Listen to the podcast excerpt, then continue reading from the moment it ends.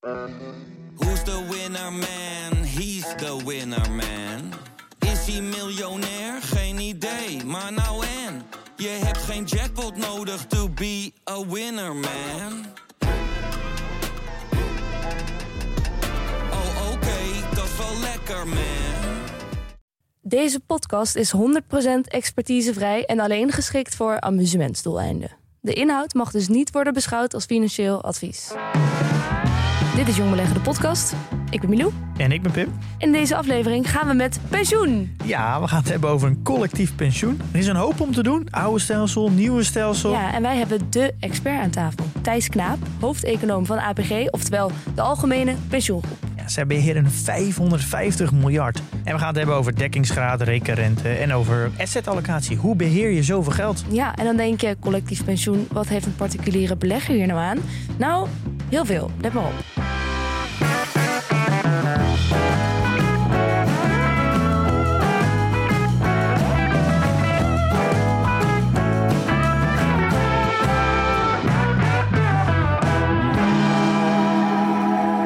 Welkom Thijs Knaap. Dankjewel. Leuk dat je er bent. Eh, mag ik je zeggen trouwens? Alsjeblieft. Ja. Je bent hoofdeconoom bij APG. APG, dat is de Algemene Pensioengroep. Ja. En dat betekent dat jullie nou ja, als klant hebben de grote pensioenfondsen in Nederland. Enkele grote pensioenfondsen. Ja, Nederland heeft een- heleboel pensioenfondsen en ook enkele hele grote pensioenfondsen. En daar zijn vermogensbeheerders voor. Nou, APG is daar één van. En toevallig hebben wij het meeste vermogen, dus ja, het grootste pensioenfonds. Ja, even 550 miljard? Dat is ongeveer wat de assets under management is. Eh, hoewel dat eh, fluctueert. Hè. Als de beurs omhoog gaat, is het meer en anders is Ja. het minder. Maar het is ja, 550 miljard is een, is een heleboel geld. En aangezien jij dus de hoofdeconoom bent, neem ik aan dat jij eh, nou, een beetje erover gaat waar dat geld allemaal in wordt belegd. Dat zou ik graag willen en dat is misschien niet helemaal waar. Kijk, uiteindelijk is het geld van pensioenfondsen is van pensioenfondsen. Wij zijn de vermogensbeheerder, eh, maar de pensioenfondsen zijn de baas. En die hebben uiteindelijk de beslissingsbevoegdheid. Die mogen zeggen, wij willen het geld steken in aandelen of in obligaties of in iets anders. En APG, de vermogensbeheerder, doet dat dan. Wat wij wel doen is advies geven aan pensioenfondsen. Eh, hoe kan je het het beste doen? Wat zijn de risico's als je deze strategie kiest? Dus we zijn er wel mee bezig. Maar het geld is absoluut niet van mij. En het, ik, Nee. ik, uiteindelijk is ja, mijn bevoegdheid om te beslissen is ook helemaal nul. Maar ja, ik, ik heb er wel verstand van en ik adviseer erover. Dus eh, Maar heb je het idee dat ze jullie adviezen eh, vaak opvolgen? Ja, meestal wel. Dus je moet je voorstellen, we hebben niet veel klanten. Er zijn eh, een aantal grote pensioenfondsen die bij ons werken. Nou, daar, daar werken we heel intensief mee. Die kennen ons goed, maar wij kennen hun ook heel goed. En dat, is, ja, de- die samenwerking is zodanig dat, dat er vaak gebeurt eh, wat wij een goed idee vinden. En eh, even voor mijn, wat is het ook weer? Wat zijn die grote pensioenfondsen ook weer? Je hebt het ABP. Ja, dus in Nederland is het zo dat je eigenlijk vanzelf in een pensioenfonds terechtkomt als je ergens werkt. Ja. Dat is dan vaak per sector georganiseerd. Eh, ja, ik had een tijdje PNO. Ja, heel goed. Je hebt in de media gewerkt, dus dan, dan zit je in de mediasector en dan komt PNO Media in beeld. Nou, ABP is voor eh, mensen die bij de overheid werken. Eh, dat zijn dus alle ambtenaren in Den Haag, maar ook de mensen die voor de klas staan of die in het leger zitten bijvoorbeeld. Uh, nou, dat is het grootste pensioenfonds van Nederland, omdat er zoveel mensen bij de overheid werken. Het tweede pensioenfonds is het pensioenfonds voor de zorg, uh, PFC 2, die zitten niet bij ons uh, overigens. Okay. Ja, en zo zijn er nog een aantal grote fondsen. En dan wat die grote fondsen gemeen hebben, is dat ze allemaal per sector georganiseerd zijn. Niet iedereen zit in een sector pensioenfonds, want er zijn ook een paar grote bedrijven die hun eigen pensioenfonds hebben. Het Philips ja. pensioenfonds of. Ja. Uh, nou ja, dat Friesland Campina, volgens mij ook. Ja, ja volgens mij ook nog. Uh, maar daarvan, ik twijfel een beetje, omdat er.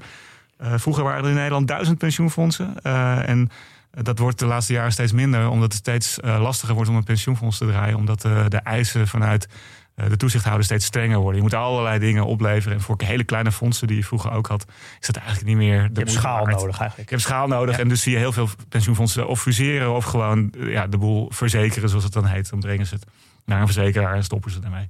Ja, maar eh, dat betekent eigenlijk omdat jullie dus een soort van meerdere klanten hebben, dat jullie ook meerdere uh, beleggingsstrategieën en een beleggingsbeleid hebben voor per klant eigenlijk een ja. uh, maatwerk. Dat klopt, ja. Jullie weten dat uh, je moet heel veel keuzes maken als je belegt. Hè. Dus welke, welke producten koop je? Hè. Ga je in aandelen, ga je in obligaties? Nou, voor pensioenfondsen komen er nog allerlei andere keuzes bij, omdat we ook vaak met derivaten allerlei risico's afdekken. Nou, daar kan je je voorstellen dat geen pensioenfonds hetzelfde is. omdat er de leeftijdsopbouw bijvoorbeeld heel anders is. Of omdat de, ja, de sector bestaat uit mensen met, voor wie dat vermogen heel belangrijk is of minder belangrijk. Nou, kortom, pensioenfondsen hebben altijd hele eigen wensen. En dus hebben ze allemaal een eigen ja, opbouw van de portefeuille. Ja, dat vind ik dus al heel interessant. Want uiteindelijk zou je toch zeggen dat het een beetje hetzelfde moet zijn. Want uiteindelijk, je hebt gewoon een verloop. Met, je stromen mensen in die net zijn begonnen. Dan gaan stromen mensen uit. En je wil op lange termijn wil je eigenlijk gewoon een, een soort van zo hoog mogelijke return. Maar daarvoor natuurlijk wel gecorrigeerd voor risico. Ja. Dus dan zou je eigenlijk zeggen dat er een soort van sweet spot moet zijn. Dat voor iedereen hetzelfde is. Ja, dat is waar als je vanuit één persoon kijkt. Maar die, dat, dat maakt natuurlijk heel erg uit hoe oud die persoon is. Uh, voor een 20-jarige is het heel anders dan voor een 60-jarige die bijna op zijn pensioen zit. Hoeveel risico je wil nemen bijvoorbeeld varieert heel erg. Ja, maar middelen die mensen elkaar niet uit als ze in hetzelfde fonds zitten. Ja, als ze, als ze precies gelijk over de leeftijden verdeeld zijn. Maar dat is nou juist het verschil tussen fondsen. Er zijn fondsen die heel oud zijn. Uh, bijvoorbeeld sectoren waar weinig nieuwe mensen aan het werk gaan. Hè. De, de staalsector bijvoorbeeld, uh, die was vroeger heel groot, die is nu heel klein. Dus dat, is, oh dat zijn fondsen waar dan heel veel ouderen in zitten. Nou, dan krijg je al een ander beleggingsbeleid. Omdat je die hele pot moet managen voor ja, een, groep mensen die ja, van elkaar kunnen verschillen. Maar dan, als ik het dan samenvat, wat je dan eigenlijk doet, je kijkt naar soort van de gemiddelde leeftijd in zo'n fonds. En dan als dat dichter tegen de pensioenleeftijd is, pas je je strategie daarop aan? Is dat dan even zo simpel gezegd?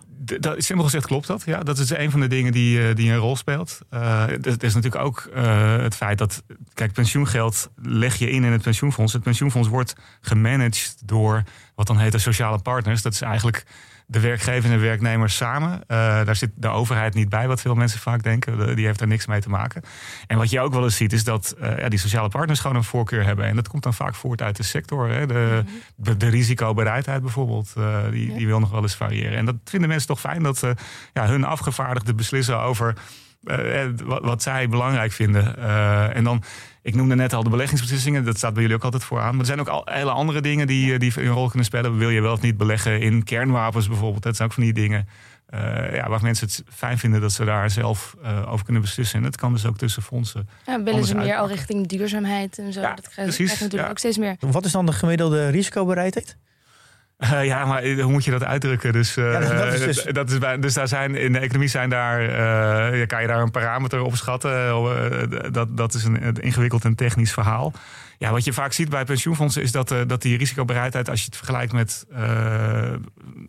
gewone beleggers, best wel hoog is. Omdat ze um, over een hele lange periode beleggen. En over hele lange periodes komen die sommetjes vaak goed uit. Als je maar lang genoeg wacht, ja. Dus het risico meestal wel, uh, betaalt het zich wel uit. Dat zeggen wij ook altijd. En dat is over het algemeen ook zo. En, en dan, dan zie je dus dat pensioenfondsen best wel veel risico nemen. Dus als je naar de gemiddelde pensioenfondsen kijkt, dan, uh, dan wordt vaak de 60-40 verhouding uh, gebezigd. En dan heb je het over 60% in aandelen, 40% in vastrentende obligaties. Uh, in mijn oren is dat niet heel risicobereid, hè? Nou, uh, maar als je dan kijkt wat dat doet met, uh, met de rendementen, dan gaan die rendementen best wel op en neer. Dus dan zie je, er zitten ja, tussen twee jaar zitten vaak tientallen procenten verschil. En dat is best, ja, voor een, voor, als je het over 500 miljard hebt, dan gaat het over heel veel euro's. Ja. Dus dat, ik vind het altijd nog wel indrukwekkend dat het ja, zo. je moet natuurlijk als belegger zijn nooit uitdrukken in absolute getallen, maar altijd percentage. Ja, maar ook tientallen procenten is best nog wel veel. Ja, dat is waar. Ja, ja. En je hebt natuurlijk wel de pensioenverplichting verplichting. Je moet natuurlijk altijd een uitkering doen. En je hebt natuurlijk altijd de pensioenpremies die ook nog weer binnenkomen. Dat heeft misschien ook te maken met je risicobereidheid. Ja, dus dat is wel uh, dat is een best wel ingewikkeld uh, uh, ja, diagram wat je dan kan tekenen. Dus je hebt een fonds, de mensen betalen premies in, er moeten pensioenen uitbetaald worden. Dus dat zijn twee kleine stroompjes. Die stroompjes zijn vaak heel klein ten opzichte van het fonds zelf. Dus als je bijvoorbeeld naar onze grootste klant kijkt, ABP, die, die krijgen ongeveer 13 miljard binnen, of sorry, 12,5 miljard binnen en betalen ongeveer 13 miljard uit. Uh, dat is dan een heleboel geld. Maar dan kijk je naar het fonds zelf en dan heb je het al gauw over uh, 450, 500erd miljard. Dus, dus jullie zitten daar eigenlijk gewoon op een hele grote zak met geld? En nou ja, die belegd is in allerlei zaken. En uh, ja, we, we, zitten er niet op. Hè, dus het nee. Uh, nee, en, dat, nee. en eigenlijk wat je natuurlijk als belegger moet zeggen... Nee, dat geld is voor ons aan het werken. Dat hebben we geïnvesteerd in bedrijven... en hebben we uitgeleend aan overheden. En dat krijgen we met, met rente en met, met dividenden terug. Maar werkt het eigenlijk zo simpel dat je kan zeggen... als bijvoorbeeld de beurzen heel erg naar beneden zijn gaan... dan wil je het niet verkopen. Dan zeg je nou, alle premies die binnenkomen... dat is ongeveer bijna gelijk aan wat er uitgaat. Die spelen we dan nu even gewoon door... Uh, want dan hoeven we niet goedkoper te verkopen. En, uh, uh, of, of zo. Ja, ik, ik, heel goed. Je, ik, zo simpel werkt het. Een goede strategie aankomen. Dus kijk, je moet je voorstellen. wat, wat echt belangrijk is bij, bij pensioenfondsen. Is dat we, we beheren de grote pot. En de grote pot geld, daar, hè, daar zitten geen vakjes in van dit bedrag is voor meneer Jansen, dit bedrag is voor meneer Pietersen. Dit is gewoon de grote pot. En dus wat jij zegt, de premies komen binnen, de uitkeringen die gaan eruit. Ja, die, die gaan in en uit de grote pot. Um, en ja, omdat het ongeveer gelijk is, doet dat niet heel veel met het, uh, met het totaal. En dan ja, vervolgens gebeurt er iets op de beurs. Uh, en dan eigenlijk ja, hoef je dan niks te doen. Hè? De, de aandelen gaan omlaag in waarde. Mm, oké. Ja. Uh, dat, dat, hè, dan heb je niet ineens te weinig geld om uit te keren of zo. De vraag is wel dan ja, uh, hoe, hoe, moet je omgaan met dat soort, soort, fluctuaties in je strategie? En wat pensioenfondsen vaak doen is herbalanceren. Dus het beleid is dat je zegt, we, we stoppen 60% in risicovolle uh, stukken, 40% in, uh, in obligaties. Nou, dan gaat de beurs omlaag, dan heb je in één keer 55% in, ja. in zakelijke waarde zitten. Nou, wat pensioenfondsen vaak doen is dan zeggen, nou, kopen we wat obligaties, ja. kopen we wat aandelen bij. En als je dat altijd doet, dan, dan heb je, als het goed is, uh, een beleid waarbij je op uh, dieptepunten inkoopt en op hoogtepunten ja. verkoopt. Jullie zijn eigenlijk dan best wel um, vergelijkbaar met een gewone particuliere belegger. Alleen dan voor veel grotere schaal. Maar dit is ook eigenlijk het verhaal wat ik al wekenlang van Pim hoor. Herbalanceren. Ja, dat uh, is. Nou, jullie zijn denk ik hele verstandige beleggers die er goed over nagedacht hebben. Ik, mijn beeld van de particuliere belegger is wat anders. Ja? omdat veel, en dat, is wat, dat zie je in de praktijk, dat mensen, heel, heel weinig mensen beleggen in Nederland buiten het pensioenfonds waar ze misschien wel in zitten, maar gewoon particulier. Uh, en het gedrag wat je dan vaak ziet is toch wel het omgekeerde. Dus de beurs gaat omlaag, oh, oh, snel verkopen. Ja. Uh, oh, de beurs staat nu al heel hoog, ik koop wat bij. Uh, dat, ja, dat is het omgekeerde. Ja, wat je, psychologisch heel verklaarbaar, maar eigenlijk helemaal niet verstandig. En ja. wat je ook ziet, uh, is dat mensen zich vaak beperken tot één vermogenscategorie, namelijk aandelen. Mm. en dat doen pensioenfondsen natuurlijk helemaal niet. We hebben twaalf vermogenscategorieën waar we in beleggen. En ja, waarbij we dus ook inderdaad die verhoudingen steeds in de, in de gaten houden. Dus eigenlijk zeg je, particuliere beleggers kunnen nog veel van grote collectieve pensioenfondsbeheerders zoals wij leren.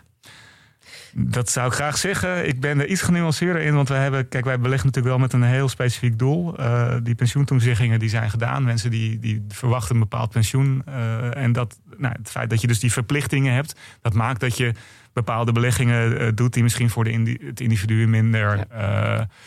ja. verstandig zijn. Daar komt, ja, wat je, je noemt het al, schaal is ook belangrijk. dus wij, wij, hebben duizend mensen aan het werk.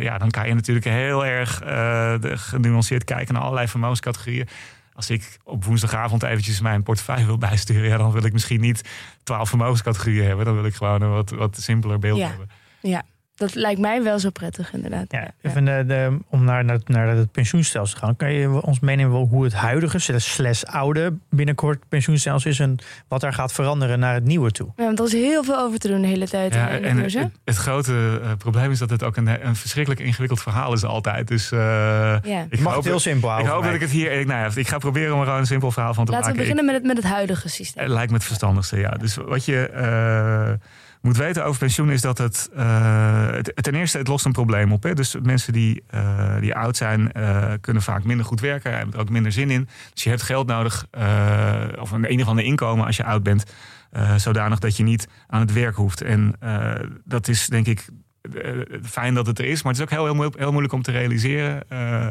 mensen die bezig zijn met hun werkzame leven ja, kijken vaak niet heel ver vooruit en uh, realiseren zich niet hoeveel geld ze nodig hebben. Dus het, het, het, wordt in Nederland geregeld. Nou, dat is al prima.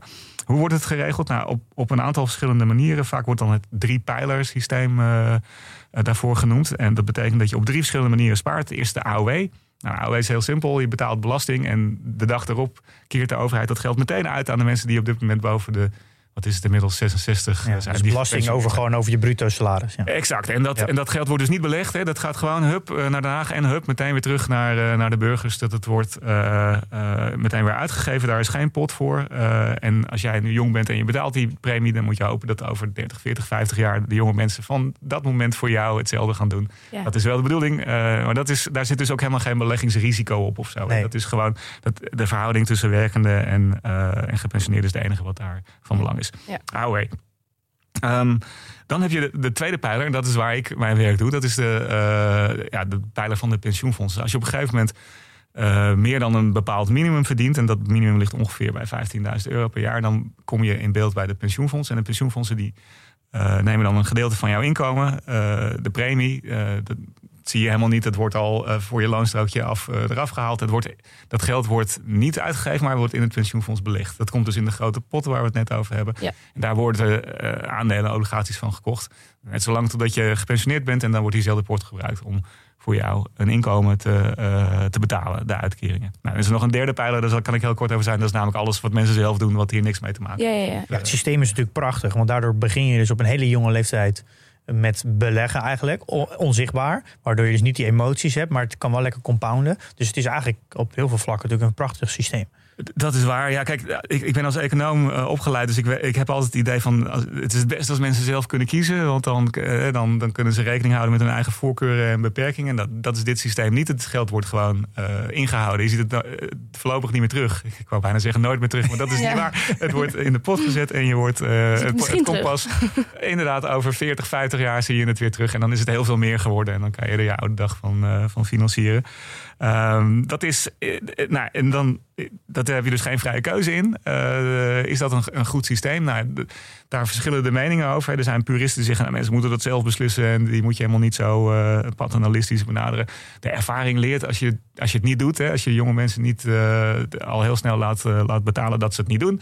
Ja. dat zie je bijvoorbeeld in landen als Amerika. Ik weet niet of jullie wel eens geweest zijn, maar heel vaak zie je daar gewoon heel oude mensen nog aan het werk. Die staan de boodschappen in te, in te pakken bij de supermarkt, omdat ze nooit gespaard hebben voor hun pensioen. Ja gewoon ja. moeten werken. Dus nou ja, de praktijk leert dat het wel verstandig is om daar uh, toch wat verplichtend in te zijn. Dat zijn we in Nederland altijd geweest. En daarom hebben wij ook als land die enorme pensioenfondsen die ook in Europa uh, heel, erg, heel erg groot zijn. Er zijn maar weinig landen die het zo gedaan hebben. Ja. Nou, en het oude pensioenstelsel werkt, want daar ging, hadden we het over. Uh, dan op de volgende manier. Dus jij legt dat geld in. Wat krijg je daarvoor terug? Nou, dat is niet uh, dat geld zeg maar, wat je als een soort bankrekening steeds meer ziet worden. Nee, je, dat pensioenfonds zegt tegen jou: we geven jou een pensioenrecht. Namelijk, uh, als je de pensioengerechtigde leeftijd bereikt, bereikt hebt, dan krijg je van ons een stukje van het loon wat je op dit moment verdient.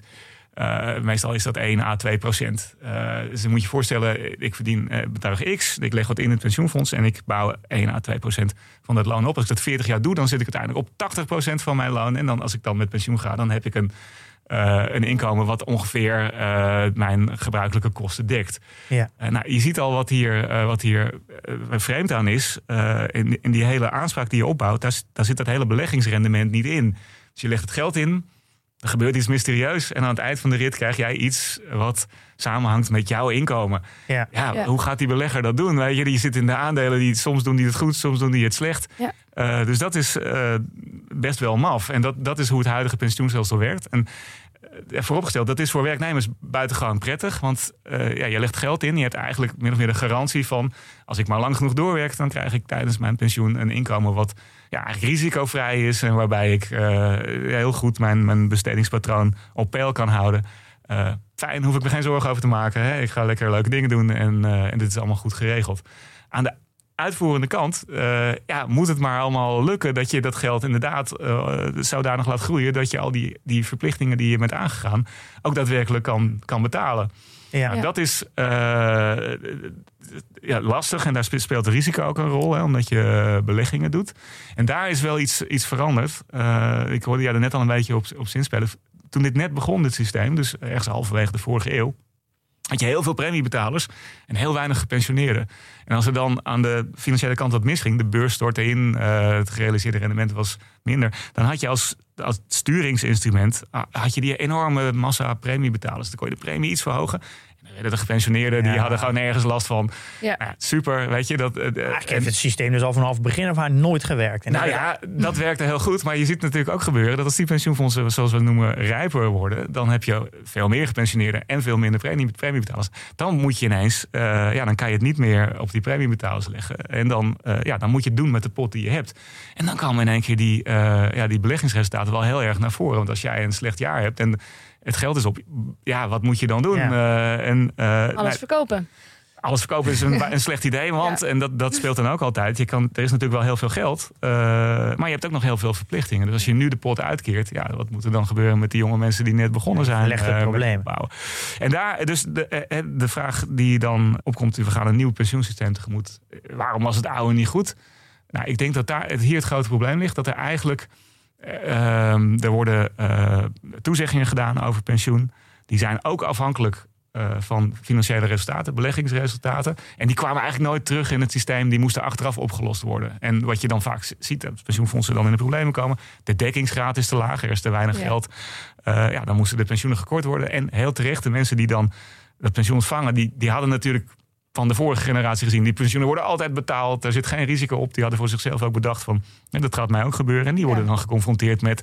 ja, er is toch niet genoeg geld. Ja. Uh, en waar heb je dan voor betaald al die jaren? Ja, precies. De onvrede. Nou, uh, dus dat heeft tot een heleboel uh, ja, verdriet geleid. En, nou, dat maar is dat gebeurd daadwerkelijk? Nou ja, het, wat er uiteindelijk gebeurd is... is dat wat weinig mensen ooit gedacht hadden... is dat op de financiële markten een ontwikkeling is geweest... dat de veilige rente, dus de, wat je op je spaarrekening krijgt die, is, uh, die begon ooit op 5 procent, uh, herinner ik me nog, ergens begin deze eeuw. En die zakte en die zakte en die zakte. En die kwam risicovrije rente. Rente kwam uit rond de nul. En dat is voor pensioenfondsen buitengewoon ja, vervelend geweest, omdat uh, je moet berekenen hoeveel je hebt toegezegd aan, aan toekomstige generaties. Dat wordt in het systeem wat we nu hebben gedaan met die risicovrije rente. Dus de, de, de, de rekenrente. De rekenrente. Ja, die, eh, dat is een soort van de twee bingo. Ja, exact. Die moesten we zeker noemen. Dus, Dekkingsgraad dus, en rekenrente. Ja, heel goed. Dus deze hebben we dan ook. Dus wat je dan. Hey, je moet natuurlijk. Uh, ik zei net, je, je neemt het geld in ontvangst. En dan zeg je, je krijgt zoveel procent van je, van je inkomen als je met pensioen gaat.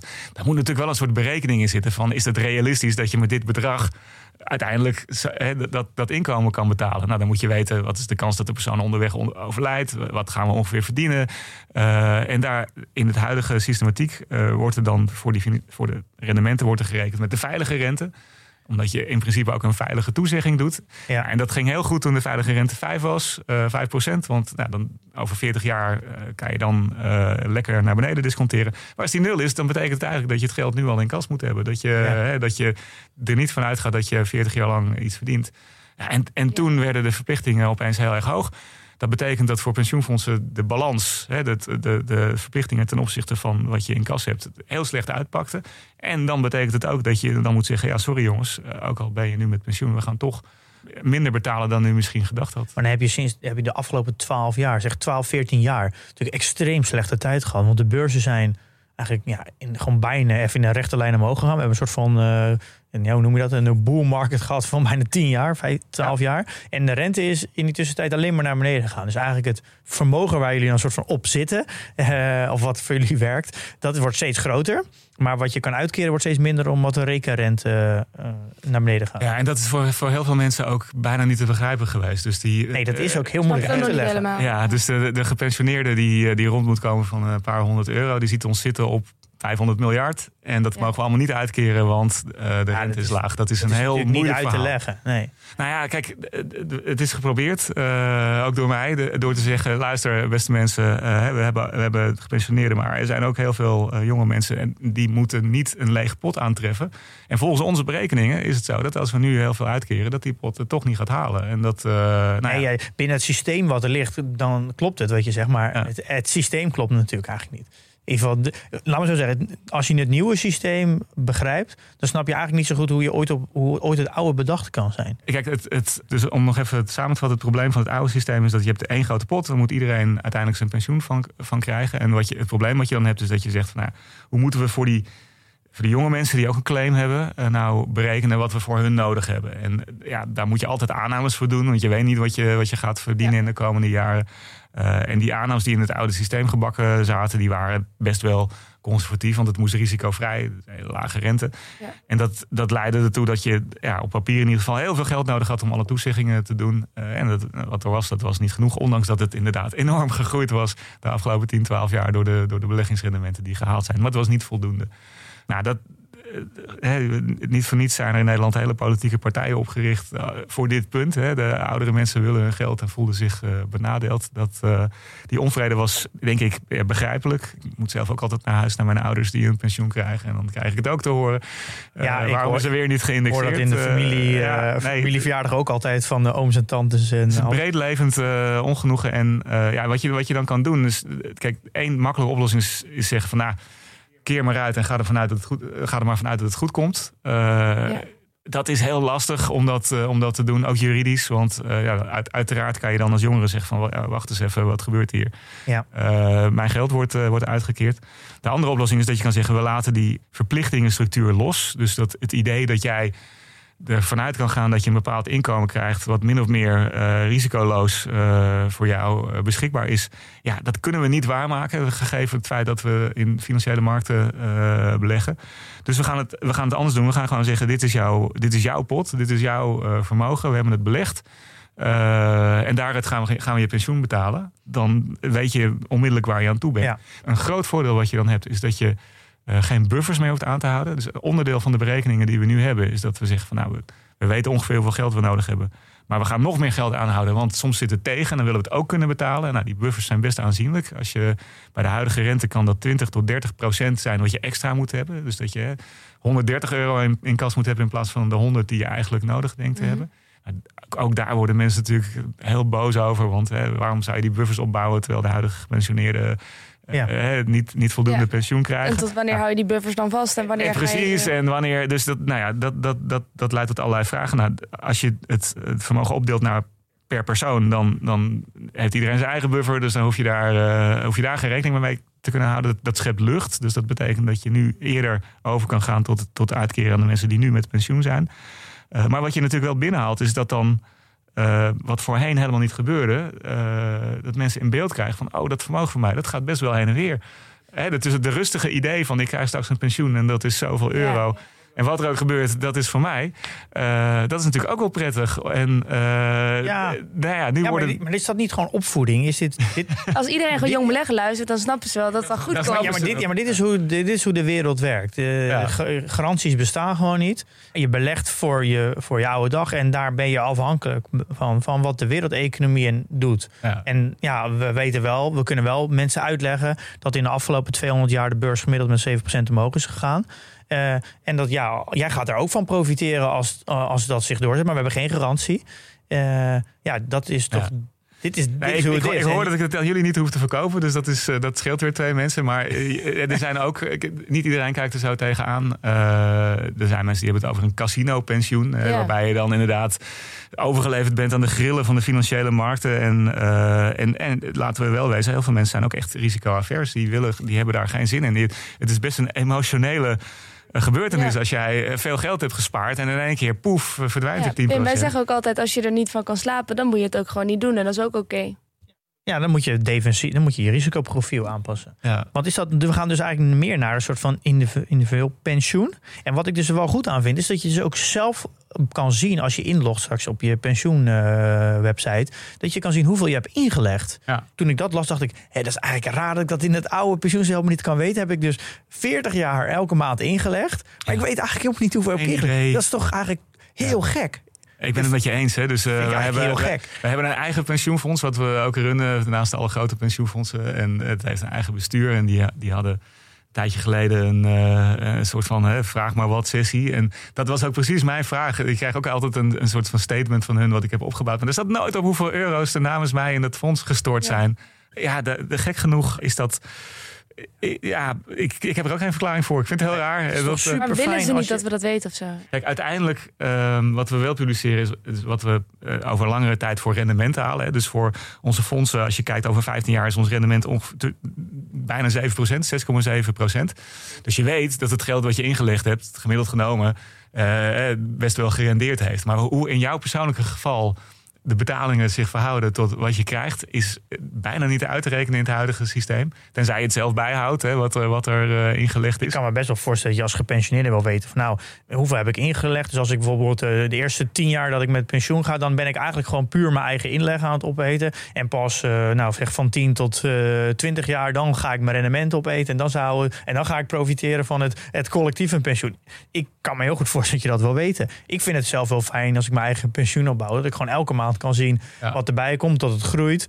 Ja, dat geeft een gevoel voor, van veiligheid. Maar ook kan je veel beter je pensioen plannen. Ja, ik, vind, ik vind het echt heel goed dat dit het nieuwe systeem, dat je daar inzicht in krijgt. Ja, ik, ik, dat, dat is, eh, ik ben het met je eens. En voor een bepaald type mensen is dit inderdaad allemaal super logisch. Ik moet wel eh, aangeven dat veel mensen kijken er niet op die manier tegenaan. Hè. Die kijken puur naar ik krijg inkomen en dan moet ik boodschappen van doen. En ik moet de huur van betalen. Eh, en wat er verder achter de schermen al gebeurt, kan me niet, kan me niet boeien.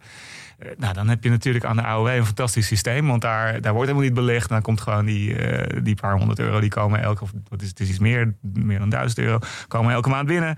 En je hoeft je nergens zorgen over te maken. Ik kan, ik, ik kan me best voorstellen dat voor veel mensen hetzelfde geldt voor de tweede pijler. Waarom moet ik allemaal weten dat mijn geld belegd wordt in aandelen? Ik wil gewoon een inkomen hebben. En heel lang hebben we een pensioensysteem gehad wat dat aanmoedigde. Ja, of al 40 jaar niet inloggen. Uh, nou ja, precies. En dat is, ik moet eerlijk zeggen, dat is ook voor veel mensen de praktijk. Hè. Pensioenfondsen sturen elk jaar de, de UPO.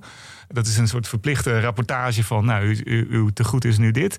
Uh, de ervaring is dat het is een envelop dat die ongeopend ja, ja, ja. bij veel Heb mensen. Wel, ja.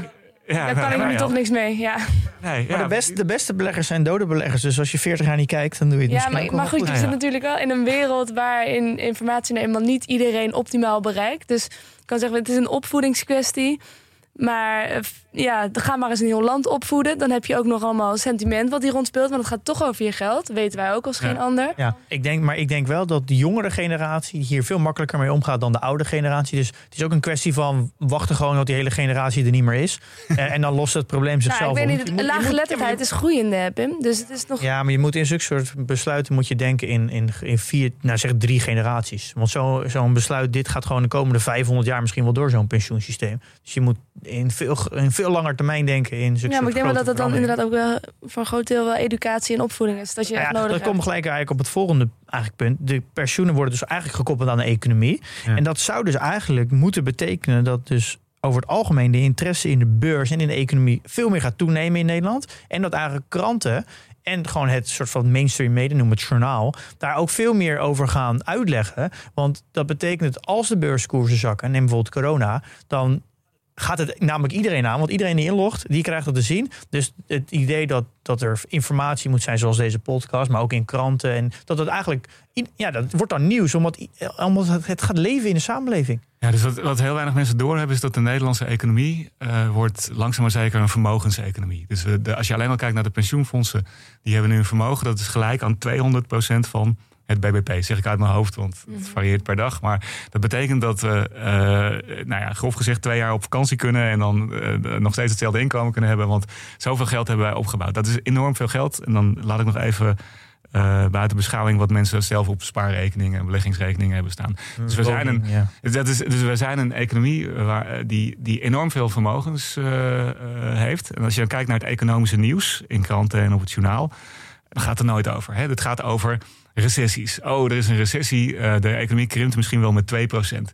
Nou, dat, is die, dat is 2% over hetzelfde als eh, waar die 200% vermogen over is, namelijk het BBP. Nou, dat vermogen dat gaat soms wel op en neer met 10%, weet je wel. Dat, dat haalt het journaal niet. En dat is best wel raar, want ja, dat is, als je kijkt naar hoe de gemiddelde Nederlander ja, blootgesteld is aan allerlei dingen, dan eh, ja, is dat vermogen eigenlijk heel belangrijk. En dat is. Ik weet niet zo goed waarom dat is. Misschien is financieel nieuws ingewikkeld. Misschien hebben mensen niet door hoeveel geld er, eh, hoeveel geld er is. Eh, maar het feit is dat we daar ja, vrij weinig aandacht aan besteden. Maar wat Eh, betekent dat dan, dat we een vermogenseconomie hebben? nou, dat betekent dus dat je, als je puur kijkt naar waar bestaat onze economie uit. Hè, dus de, de- nou ja, het BBP is het bruto binnenlands product. Nou, dat krijg je als je wat iedereen verdient bij elkaar optelt. Plus alle winsten die bedrijven maken en, en nog wat dingen. Eh, en daar wordt heel erg op gelet. Hè. Dus het BBP groeit, er is economische groei. Nou, dan kijken mensen soms wel eens naar de werkloosheid. Ja. Maar als je puur kijkt naar hoe, om hoeveel euro's dat gaat. Eh, en hoe zich dat verhoudt tot hoeveel euro's wij eh, te goed hebben van eh, ja, zeg maar andere landen. Dus vanwege alle aandelen en obligaties die we hebben. Dat is een veelvoud eh, daarvan. Dat is heel veel meer. Waarom En- tellen ze dat dan niet mee in het BBP eigenlijk? nou, omdat het BBP over één jaar gaat en specifiek gedefinieerd is als eh, de economische output van Ja. dat jaar. En dat is een, als- om even de economen uit te hangen, dat is een stroom, dus die komt elk jaar weer terug. En dat vermogen is een, eh, ja, een stok, een voorraad. Eh, maar die is heel groot geworden. Als je heel veel stroompjes Ja. eh, heel lang bij elkaar optelt, dan heb We je. zijn dus eigenlijk extreem welvarend als je het zo ja, dus ik, als je, je kan het terugvertalen naar. Inkomen en erfenis. Ja, heel goed. Naar, bijvoorbeeld naar een individueel niveau, niveau, zeg maar. Dus eh, stel, ik heb een baan en ik verdien 10.000 euro per jaar. Maar ik heb ook een vermogen van, laten we zeggen, 40.000 euro op de bank staan. Ja, dan, dan wordt opeens die 10.000 euro veel minder Ja. belangrijk. Als ik weet dat ik ja, een soort van buffer heb waar ik, dan mee, waar, waar ik ook nog mee Ja. kan, eh, kan schermen. Dus voor, het- voor het land Nederland geldt dat we, ja, dat we echt een, eh, ja, onze economie langzaam maar zeker aan het zien opschuiven richting ja, vermogensbezitter. En je moet je voorstellen, volgens mij als je naar het journaal in Saudi-Arabië kijkt, eh, gaat het heel vaak over de olieprijs. Want dat is super belangrijk voor dat Ja. land. eh, eh, en ik, ja, als je naar het journaal in Nederland kijkt, gaat het niet zo vaak over. Dus eigenlijk de, de rijkdom van Nederland tijd. heeft dus dan heel veel invloed op wat de, wat de, de, de, wereldwijde economie doet, de beurs eigenlijk. ja, dat is waar. Dat zou eigenlijk daar, dat is een beetje de equivalent van de olieprijs. Ja, precies. Dus dat is, dat is voor ons zou dat super belangrijk moeten zijn. Eh, nou kan je natuurlijk afvragen, dat zei je net ook al, moet je je daar elke dag druk over maken? Je kan ook zeggen van nou, dat is nou helemaal zo, we kijken er niet naar en over tien jaar is het waarschijnlijk eh, allemaal wel, wel gegroeid. Eh, maar je merkt dus dat mensen zich daar wel druk over maken als het gaat om hun eigen pensioen. Want dan, dan moet je in één keer betaald worden uit die pot. En ook wel een beetje als het gaat om ja, wat gebeurt er eigenlijk met dat geld, wat financieren we daarmee? Voordat we verder gaan, eerst een bericht van onze sponsor Achmea. Eh, Pim, ken jij de knowing-doing gap? Of in mooi Nederlands de intentie-gedragkloof? Ja, dat je iets weet, maar er niet naar handelt. Ja. En zo heb ik vrienden die dankzij ons wel weten dat ze moeten beleggen. Om verlies van koopkracht tegen te gaan. En te zorgen dat ze een goed pensioen hebben. Maar er toch niet naar handelen. Nee, dat blijkt toch lastig, hè? En of breder dan beleggen vlees eten. Ik hoor mensen vaak zeggen, ja, het is wel beter voor de planeet... en minder dodelijk voor de dieren. Maar als er dan een menukaart met een hamburger eh, met bacon voor je ligt... ja, dan wordt dat voor het gemak toch vaak wel weer vergeten. Ja, woorden verliezen nogal betekenis als je er niet naar handelt. Ja, het zou wel een stuk helpen als je in een omgeving zit... waar ander gedrag gestimuleerd wordt. En dat denken ze ook bij Achmea. Daarom zijn ze met zo'n 13.000 collega's vast begonnen... om goede intenties om te zetten in goed gedrag. Zo werken ze daar aan oplossingen voor grote maatschappelijke vraagstukken. Ja, ze gaan bijvoorbeeld voor minder verkeersslachtoffers, gezonde werknemers, duurzame woningen en meer. Ja, dus nou, geen woorden, maar daden. Waar ga jij voor? Check de vacatures op werkenbijachmea.nl. En nu weer verder met de podcast. Ja. We zitten nu toch met een econoom aan tafel.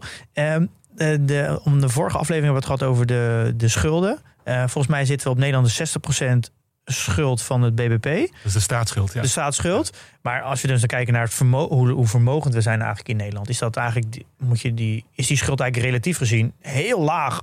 We rekenen nu vanaf het BBP, maar als je vanuit het complete vermogen in Nederland Ja. met alle spaargeld, met de huizen die we hebben, met de, de pensioenen, dan is de schuld misschien, het zal het zijn, 15%, 10% of zo. Ja, dus je moet altijd oppassen als je met macrocijfers, hè, dit zijn cijfers voor de hele, hele Nederlandse economie, dat, dan kan je eh, vergelijken en zeg je, oh, dit is veel groter, dit is veel kleiner. Maar de schuld is van de ene partij en het vermogen is van de andere partij. Dat kan je niet helemaal tegen elkaar wegschrijven, Maar Het, het geinige is dat het in dit geval wel een beetje kan, want eh, die pensioenen, die zijn, hè, de pensioenvermogen dat is opgebouwd, dat is belastingvrij gebeurd. Dus die premies die worden eh, naar het pensioenfonds overgemaakt voordat de Belastingdienst in beeld komt.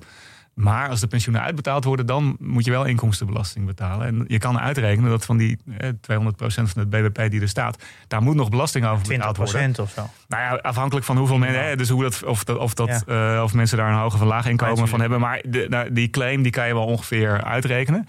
En eh, als je die eh, tegenover de staatsschuld zet, dan kom je eigenlijk uit op een, ja, een hele lage staatsschuld. Eh, ik weet niet helemaal of het helemaal nul is, maar ja, veel lager dan die nu volgens de statistieken is. Ja, nee, dan kom je, kom je denk ja, inderdaad, Ja. snel rekenen, inderdaad ongeveer op eh, zo'n 15%. Dat doe je uit je hoofd, dat vind ik heel knap. eh, maar dat, eh, maar, nee, ik, ik ga ervan uit, dus ik doe dat niet, maar ik, het, is, het scheelt een stuk. En dat is natuurlijk, daar, daaruit zie je, daarin zie je dat Nederland best wel een bijzonder land is. Want als alle landen in Europa dit zo zouden hebben, dan zouden we ongetwijfeld daar een soort re- rekenmethodiek mee hebben dat we die staatsschulden daarvoor corrigeren. Maar dat doen we niet, want ja, Nederland is daar een heel bijzonder iets. En, en eigenlijk, als je naar Duitsland, Frankrijk, Italië kijkt, is het allemaal eerste pijler, hè, waar we het net over hadden. Dus daar worden heel veel pensioenen worden gewoon uit de belastingmiddelen betaald, maar is er geen vermogen opgebouwd. Dit is ook al discussie, hè, dat de pensioenen niet mee worden genomen in eh, hoe vermogend iemand is. Dus waardoor Nederland al alle lijstjes relatief laag staat. Maar eigenlijk zijn we extreem vermogend als je pensioenen Conclusie meeneemt. hiervan, eigenlijk is tot Ja. nu toe dan... het gaat veel beter met ons dan we denken. Nou, er is eh, ja, ongemerkt een enorm kapitaal opgebouwd. Eh, dat, is, eh, dat is goed. Veel mensen weten dat niet. Nou, beter dan we denken. Eh, we moeten wel zorgen dat, dat, ja, dat we daar voorzichtig mee zijn. Dat we het niet kwijtraken. We, we moeten het verstandig beleggen. hè. We moeten zorgen dat het eerlijk verdeeld Ja. wordt, denk ik. Dat, dat mensen die ingelegd hebben naar RATO ook eh, pensioen krijgen. Dat, dat is nog wel van belang. Ehm, nu gaan we naar het beleggenstuk toe. Is, eh, we gaan steeds meer. Je kan met het nieuwe, nieuwe pensioenstelsel kunnen we dus ook beleggen voor leeftijdsgroepen. Wat ik er een beetje uithaalde. Ja. En betekent dat ook dat je dus als persoon zelf meer kan aan de knoppen kan zitten of je defensief of offensief belegt? Eh, of of Ja, dat, zover dat gaat het. Ja, dat, zover gaat, dat is niet de bedoeling. Dus de, kijk, we hadden het net al even over de, eh, het huidige pensioensysteem. Daar komen de premies allemaal in een grote pot. Dan kijkt het bestuur die kijkt wel naar de samenstelling van de populatie. Maar vooral naar de leeftijd en een beetje naar wat, wat voor soort mensen zijn het. En dan wordt er een beslissing gemaakt over hoe wordt het geld belegd. eh, wat voor soort eh, allocatie naar aandelen en eh, obligaties willen we doen. In het nieuwe pensioensysteem is, is die grote pot opverdeeld in allemaal kleine potjes.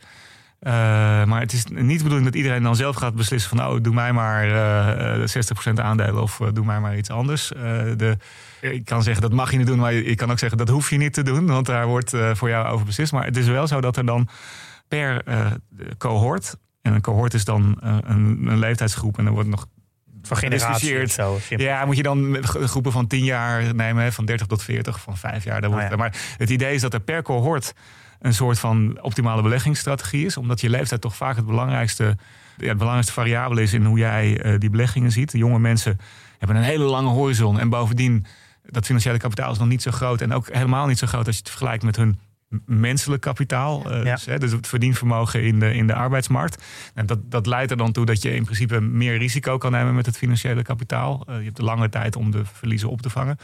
Voor oudere mensen is dat, is dat heel anders. Als je vlak voor je pensioen staat, wil je helemaal niet dat je, dat je ineens nog 50% van je kapitaal kan zien eh, verdampen. Dus dat- daar is veiligheid veel belangrijker. dat betekent dat jullie een hele andere beleggingsstrategie krijgen. Want als jullie straks cohorts krijgen, dan ga je dus per cohort een, een specifieke beleggingsstrategie vormen. Omdat het namelijk de leeftijd heeft heel veel invloed op Ah. Het risico dat je kan nemen. Ja, dat is waar. Maar het is natuurlijk wel zo dat we dan eh, voor al die cohorten het bij elkaar optellen. En dan krijgen we een portefeuille voor, eh, voor het hele pensioenfonds. En dat kunnen we nog niet helemaal zeker stellen. Maar de verwachting is dat die portefeuille dan uiteindelijk toch weer niet zo gek veel afwijkt van wat we nu al aan het doen zijn. Maar hoe houden jullie dan heel specifiek voor, die, voor een bepaalde cohort of een bepaalde persoon bij wat het rendement is? Ja, dat kan wel. Dus de, eh, uiteindelijk wat je dan doet is dat je per cohort zegt van nou we hebben deze beleggingsstrategie met deze eh, allocatie naar aandelen en obligaties. Nou dan je weet wat je op al die vermogenstitels eh, voor rendement gemaakt hebt. Dus je kan precies uitrekenen wat je voor een bepaald cohort dan gemaakt Ah, hebt. En zo, is, zo kan het dus gebeuren dat in één jaar eh, de mensen van 60 2% rendement hebben en de mensen van 20 40% rendement omdat Ja. ze veel agressiever Ja. Dat- zitten. En dat kan nu niet. Hè? Dat is, eh, Eigenlijk verandert dus eigenlijk in het rendement dat jullie gaan halen over, over het algemeen niet zoveel. Dat is wat je net zei, 7% voor me over de afgelopen tijd. Dat zal ongeveer hetzelfde blijven, denk je? Ja, dan moet, ik moet hiermee oppassen, want eh, ik, we hadden het over wat er over de afgelopen 15 jaar gedaan is. Nou, je zei zelf al, dat waren best wel goede jaren. Hè. We Ja, hebben eh, dalende rente gezien, hele hoge eh, rendementen. Eh, die dalende rentes hebben ook eh, tot gevolg gehad dat mijn verwachte rendement toch wel een stukje lager ligt voor de, voor de komende tijd. Omdat we in de afgelopen 15 jaar wat beter hebben gehad. Nou, omdat we beginnen op, eh, op een heel laag niveau. Dus mijn, mijn verwachte rendement begint altijd met de veilige rente. Nou ja, de, de rentes zijn weer wat gestegen de laatste, de laatste maanden. Maar die staan nog steeds op een niveau van 1, 2 procent in Europa. Dan heb, dan heb je het al best wel eh, goed. Nou, tel daar nog eens een risicopremie bij op, dan kom je wat hoger. Maar voor de hele portefeuille kom je dan toch in de buurt van meer in de buurt van 4 dan van 7 procent. En wat, wat zie je als risicopremie? nou, de eh, verwachte rendementen die moet je altijd opbouwen volgens, eh, volgens een bepaald systeem. Waarbij je zegt, nou een gedeelte dat is gewoon risicovrij. Je kan het geld op een spaarrekening zetten of, of uitlenen aan de Nederlandse staat. Dan loop je hoegenaamd geen risico. Eh, als je dan bijvoorbeeld aandelen koopt, dan, dan verwacht je een hoger rendement. Omdat die aandelen risicovol zijn. En dan krijg je een risicopremie voor. Bovenop die veilige rente. Hoe hoog is die risicopremie? Daar kan je heel lang over discussiëren. Historisch gezien is die misschien wel 5% geweest. Dat, dat was in een tijd dat er nog vrij weinig eh, belegd werd. Er zijn ook mensen die zeggen hij is nu misschien nog maar 3%. Maakt niet uit. eh, als je daar een waarde voor neemt. En je kan, dan vervolgens kijken naar de, de samenstelling van je portefeuille. Waarin een gedeelte veilig is en een gedeelte wat risico neemt. Dan, nou, dan kan je daarmee uiteindelijk een verwachte rendement uitrekenen. Het is heel moeilijk om dat hier uit mijn hoofd te doen, want dan Ja. gaat het over heel veel categorieën. Maar ik, ik gooi even een getal in de lucht dat het ongeveer 4% is als je kijkt naar de hele portefeuille zoals die op dit moment eh Ja. Nederlandse pensioenfondsen belegd is. Want hoe, jullie beleggen vij- meer dan 500 eh, miljard. Hoe, hoe bepaal je dan? Je hebt natuurlijk allemaal assetklassen. Nou, er zijn er natuurlijk heel veel. Hoe bepaal je nou een, een allocatie voor, voor, de, voor een bepaalde klasse? De- ten eerste moet je, je moet altijd aannames maken. Dus eh, je moet, je, je moet aannames maken over wat denken we dat de rente gaat doen, wat denken we dat dat, dat het rendement op aandelen gaat zijn. En, en je moet ook weten, ehm, ja, wat, wat is het risico wat we in huis halen. Dus als we in vastgoed beleggen of als we in aandelen beleggen, dan ja, er zit er een bepaald risico aan. Hoe groot is dat risico?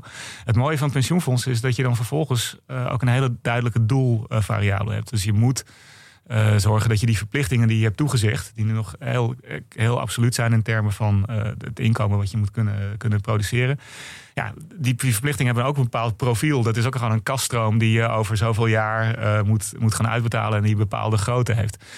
De, de, methode die je eigenlijk hebt, is dat je zo goed mogelijk die kaststroom probeert te matchen.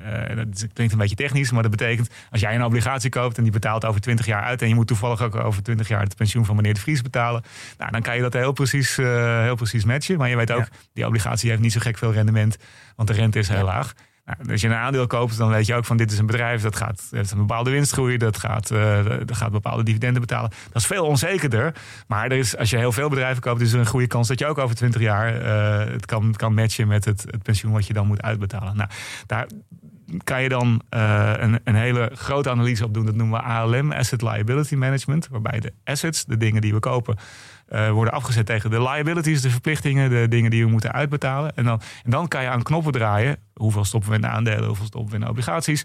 En dan kan je ongeveer zien ja, wat de verdeling van de uitkomsten is. Wat verwacht ik ongeveer aan, aan beleggingen te, uh, beleggingsopbrengst te genereren. En hoe die zich verhoudt tot de verplichtingen die je hebt. En wat je dan het liefste wil hebben, is dat je risicoloos al je verplichtingen kan, kan matchen. Ja. Dat is vaak uh, te veel gevraagd. Nou, en dan komt er een afrel van: oké, okay, ik wil wel iets risico nemen, maar ik wil uh, bepaalde hele nare uitkomsten wil ik vermijden. Dus ik wil ook weer eh, niet te veel. En je kan dan ook, als je een grote portefeuille hebt, kan je bepaalde efficiënties realiseren. Doordat je weet van oké, ik beleg in al deze verschillende dingen.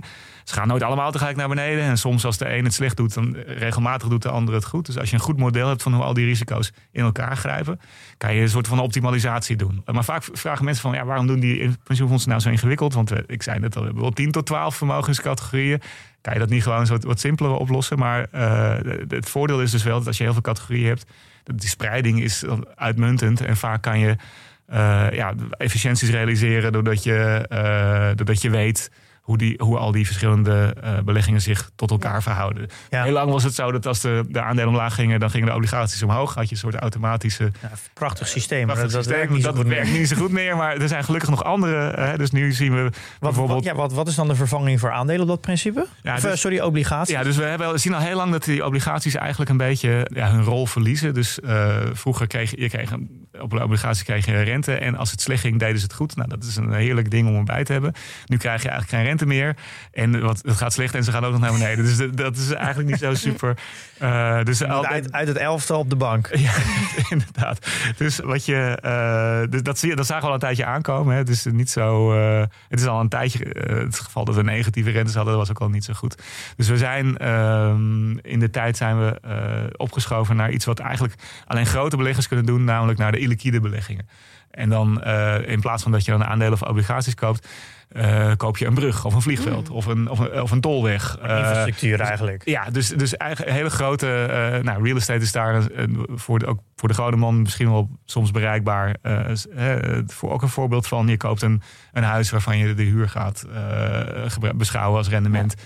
Of, ja, zijn daardoor schaal. bijvoorbeeld die, uh, uh, die telefoontorens bijvoorbeeld zo, ja, zo interessant. Prachtige uh, dingen. Dus alles wat, waarvan je één keer betaalt en waarvan je dan een soort ja, kaststroom krijgt die elk jaar weer terugkomt. En je, weet dat, je weet dat KPN ze sowieso elk jaar gaan betalen, want anders kunnen ze hun business niet draaien. Nee, precies. En je weet ook dat de, vaak de, het geld wat ze ermee genereren, dat, dat het enige samenhang heeft met het prijsniveau. Dus als je zoals nu inflatie hebt. Nou, dan gaan de, de, de kaststromen ook omhoog, want de, de prijs van de mobiele telefoon die, die stijgen mee. En nou, dat soort dingen zijn geweldig voor. Glasvezel natuurlijk. Ja. Weet je, alle, alle infrastructuurdingen eigenlijk. Nee, dus, dus je vraagt wat, zijn nou, de, wat is nou de vervanging van de obligaties? Nou, de, de illiquide beleggingen zijn, zijn steeds groter geworden in de portefeuille. En er zijn een soort natuurlijke vervanging. Maar brengen wel ook weer hun eigen risico's mee. Uh, die je dan, eigenlijk twee dingen. A, je kan ze niet zo snel verkopen. Dus een obligatie kan je morgen uh, ja. verkopen. De toren van het KPN ben je al even mee bezig. En wat ook wel een rol speelt bij pensioenfondsen, het is veel duurder om te managen. Dus uh, met twee man achter een computer, ja, met twee man achter een computer kan je gewoon een hele aandelenportefeuille ja. runnen. ja, voor die, die toren, je moet er naartoe, weet je. je hebt, daar heb je veel meer werk aan. En Dus die schaal hebben jullie Maar natuurlijk. dan over, over kosten gesproken, dan even de hamvraag. Of eigenlijk de kaasvraag, om jong beleggersferen te blijven. Zitten jullie ook in ETF's? ETF's is een goede, eh, dus dat is een product waarmee je eh, vrij goedkoop als particulier een hele brede aandelenportefeuille kan hebben. Dat heb ik zelf ook. Hè. Dat is als ik moet beleggen, dat- ik, ik, ik mag niet in individuele aandelen vanwege mijn werk, maar ik zou het ook niet willen. En dan, ja, dan heb je dus de mogelijkheid om dat te doen.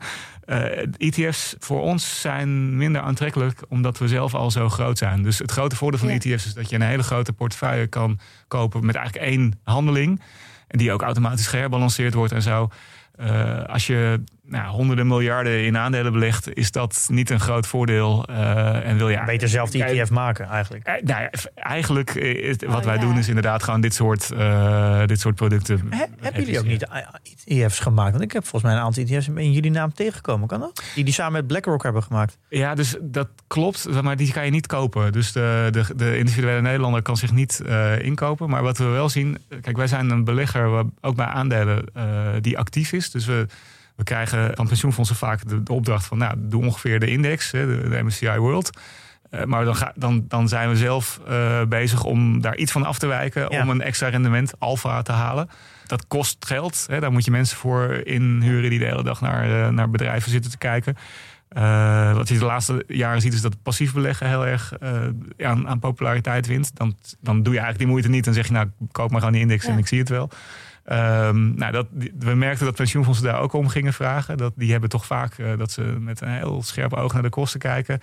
Eh, en ja, dat, die, dus dat hebben we ook nu in de, in de winkel staan. Eh, pensioenfondsen kunnen zeggen van nou laat dat actieve gedoe maar zitten. Koop maar gewoon een ETF, de index. Alleen hebben pensioenfondsen vaak nog wel, toch nog wel wensen dan. Want die Ja. willen dan bepaalde dingen toch weer goed geregeld hebben. Duurzaamheid is dan Ja. vaak een ding. Dus wij hebben nu, in, ik geloof inderdaad met BlackRock als partner, een mogelijkheid gemaakt waarbij ze dan wel die eisen kunnen opleggen. Maar niet eh, de, de rest. Ik had namelijk die ETF gevonden en toen dacht ik, hey, dit is eigenlijk, ik denk, ik denk dat heel veel particulieren deze ETF graag, wel graag zouden willen hebben. Ja, dat nou, was en- volgens mij in dat All World gecombineerd met wat regels over duurzaamheid. Ja. Ding, en Ja, dat jullie bepaalde ja, regels hebben erop hebben gelegd. Die pas binnen eh de beleid van pensioenfonds. Dacht ik, nou, volgens mij zijn heel veel Nederlanders hier wel ge- geïnteresseerd in. Ja, en ik moet dan zeggen dat heel veel Nederlanders, Nederlanders er ook al in belegd zitten via hun pensioenfonds. Dus dat is, eh, dat is dan weer goed geregeld. Maar eh, het is niet iets wat wij eh, wat voor particulieren op de markt brengen. Omdat we, ja, dat is niet wat wij doen. Wij werken in grote volumes voor grote klanten, waarbij de, de miljoenen eh, ja, eh, over tafel vliegen. En dat, dat eh, als voordeel is, eh, heeft dat dat je heel veel dingen eh, kan doen. Hè, Je kan zo'n ETF maken. Dat, ja, dat ga ik niet voor, voor jullie. eh, voor jullie doen, dan is het vermogen te klein voor. Eh, het nadeel is dat, je dat, dat we niet de organisatie hebben om dat ook aan particulieren Ja. aan Vind je het een enge baan die je hebt? Ja, soms slaap ik wel eens slecht. Ja? Eh, omdat je, ja, weet je, de, het is toch, ook ik ga naar de supermarkt en ik denk wel eens van ja, laat ik dan toch maar de goedkope boter nemen, want eh, dat, scheelt weer 40 cent. En dan tegelijkertijd, ja, als ik op mijn werk zit, dan, eh, ja, dat vliegt allemaal met, met miljoenen tegelijk omhoog en omlaag. En eh, bij, ja, je moet daar niet te veel bij stilstaan, zeg ik dan, dat is heel flauw. En dat kan eigenlijk En niet. net als een dokter, je moet je werk gewoon niet mee naar huis proberen te nemen. Dat ongeveer, ja. Dus, eh, dus ik, ik vind het, het is wel een verantwoordelijke baan, laat ik het zo zeggen. Dus het is wel zo dat wat er bij ons gebeurt wel echt invloed heeft bij eh, de inkomens van heel veel mensen. Hè. Dus eh, miljoenen mensen dus, ja, zijn op een of andere manier aan ons bedrijf verbonden. En als, het met, als wij het fout doen, dan, dan ja, hebben zij de consequenties. Die verantwoordelijkheid voel ik wel degelijk, ja. Misschien, als, misschien een beetje nog lullig misschien op het einde. Maar als je, je kan... Je kan natuurlijk- als je heel veel boeken leest over het- verleden van de afgelopen 100 jaar, 200 jaar, dan kan je uiteindelijk alle assetklassen naast elkaar zetten. Maar er is maar eentje die het, het heel goed doet en dat is aandelen. Pensioen is het ideale vorm van lange termijn. En je legt ook nog eens maandelijks in. Ja, je hebt dan wel onderweg wel heel veel eh, volatiliteit. Maar dat, dat is dan, moet je dan maar gewoon voor lief nemen. Want je legt ook gewoon elke maand in. Dus eigenlijk als je je eigen pensioen regelt, is toch op het lange termijn gewoon het allerbeste om dus gewoon 100% in aandelen te gaan. En dat langzaam richting je pensioenleeftijd een klein beetje wat af te bouwen. Zodat je meer naar cashflow gaat focussen om je pensioen te betalen. Maar dat, dan kan je toch alles heel moeilijk maken met allemaal assetklassen. Maar dat is toch aan, in de basis toch gewoon wat het allerbeste werkt. Ja, dat is waar. Ik moet, dus we hebben het niet zo heel erg over asset gehad nog, maar dus waar we het dan ook in investeren zijn dingen als private equity, eh, Bijvoorbeeld uh, infrastructuur hebben we wel genoemd, uh, real estate. Uh, een aantal van die categorieën hebben gewoon nog niet zo'n lange historie. Kijk, aandelen waren de, de vorige eeuw en de eeuw daarvoor ook al. En dan kan je een heel lang track record hebben. Infrastructuur bestaat als beleggingscategorie misschien 20 jaar. Private equity misschien 30 jaar. Uh, dus je bewering dat aandelen altijd en overal het beste zijn, is misschien op de lange termijn ook niet waar. Uh, wij denken, wat ik al eerder zei, dat die liquide beleggingen wel echt wel een, op dit moment een voordeel hebben ten opzichte van nou, wat je op de, op de financiële markten kan kopen. En daarnaast hebben we natuurlijk toch ook het risico, uh, wat je de, de jaaraandelen zijn. op hele lange termijn kan je veel geld mee verdienen. Je haalt ook een hoop risico naar huis. Het kan, het kan met de helft omlaag. Dat hebben we zien gebeuren ja. nog niet zo lang geleden. En maar eh, zolang je natuurlijk nooit er niks uit hoeft te halen voor de komende 20 jaar, dan is dat. Nee, maar als die mensen met pensioen moeten in een recessie, die hebben, hebben die dan een probleem? Die hebben dan een probleem, ja. En daarvoor, dus wat je zegt klopt voor inderdaad als je die horizon nog hebt. Maar we zijn ook pensioenfonds voor mensen die al met pensioen zijn. Uh, ja, maar je gaat natuurlijk, ja, je gaat natuurlijk niet 100 in aandelen zitten als je weet dat je over een jaar met pensioen gaat. Ja, maar je dat gaat natuurlijk dan je, meer focussen op cashflow en je risico wat afbouwen. Ja. Uh, maar niet al het risico in één keer natuurlijk. Want je... Nee, maar dat is wel, en dit is, ik, nou, dan moet ik toch een beetje de, de reclamepraatje voor pensioenfondsen houden. De, uh, vooral als je in je eentje die, je vermogen moet beheren, dan moet je op een gegeven moment voorzichtig zijn. Omdat je, ja, je moet wel de boodschappen kunnen doen. Het mooie van een pensioenfonds is dat, dat, dat het een collectief is. Waarbij je het risico ook deelt met, met andere generaties. Waardoor het dus zo kan zijn dat wij een pensioenfonds hebben met 60% zakelijke waarde, waaronder aandelen. Die we ook beleggen voor de gepensioneerden van dit moment. Uh, waarmee we dat risico, uh, de, ja, wat, wat we dan spreiden over de hele groep. En dan zie je dat ook in een, in een pensioen, wat soms wel kan duren van nou, 67 tot 97, 30 jaar. Dat je er ook nog wel heel veel rendement kan maken op het, op het, ja. op het, het, kapitaal wat je hebt. Je hebt natuurlijk een ander ding, omdat je natuurlijk zowel geld binnenkomt als uitgaat, dat jullie ook dus veel meer gaan sturen op, op cashflow, dus kaststromen. Eh, en, en anders dan als je helemaal voor jezelf belegt, dan heb je natuurlijk helemaal niks met, met uitgaan. Uh, ja, ja, je komt alleen maar binnen. Want je ja, totdat je, het moet, totdat je het wil gaan consumeren, en, zeg maar. En, en, dan wil je, dan maak je de, de draai en dan wil je ook inderdaad zeggen van nou. Maar die staat heel erg vast. Ja, ja, ja, dat is waar. En bij ons is dat wat meer bewegend, omdat je altijd mensen hebt die binnenkomen en die, die weggaan. Uh, maar goed, dat is, wel, uh, dat is wel een beetje aan het veranderen. Want wat ik zei, we gaan straks echt voor cohorten beleggen. En dan zie ik wel aankomen dat we voor ja, oudere cohorten toch ja, echt minder risico gaan nemen dan we nu misschien impliciet uh, doen.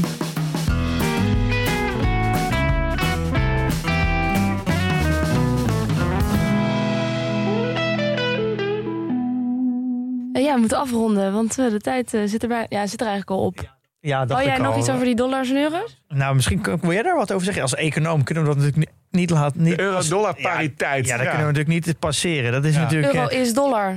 Ja, is het, weet je waar je was toen het gebeurde? Ik was eh, op kantoor en ik zat naar mijn scherm te kijken toen het gebeurde. En, wat, live bij, wat ging er door je heen?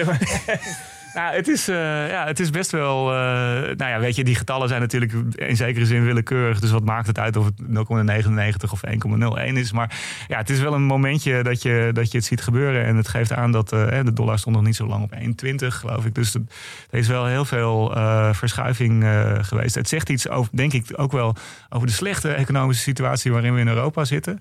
En ja, op een heel persoonlijk niveau is het natuurlijk... alles wat we van buiten Europa halen wordt duurder. de benzine voor veel mensen in het oog springend. gewoon inflatie nu dus. Maar ook ja, wat je, de, de, de spullen die je uit de rest van de wereld laat, laten overkomen zijn, zijn duur. We importeren inflatie. Dus ja, we zitten, het is slecht nieuws voor, voor Europa. Er wordt altijd gezegd over de euro-dollar koers. Ja, dat beweegt binnen een bandbreedte van uh, zo uh, 1,20 een beetje. En uh, soms dus zelfs naar de, naar de 0,8. Maar uiteindelijk over een lange periode blijft het daar een beetje tussen bewegen. Is dat iets waar, waar jij ook nog steeds in gelooft? Wisselkoersmodellen zijn eh, super ingewikkeld, omdat er uh, altijd drie dingen door elkaar spelen. Dus de ene is, is wat kan je voor het geld kopen. Hè? Dus als ik met, met, met 100 euro op pad ga in Europa, of ik ga met 100 dollar op pad in Amerika, kom ik dan met eenzelfde mandje thuis. Of uh, nou, uiteindelijk moet dat.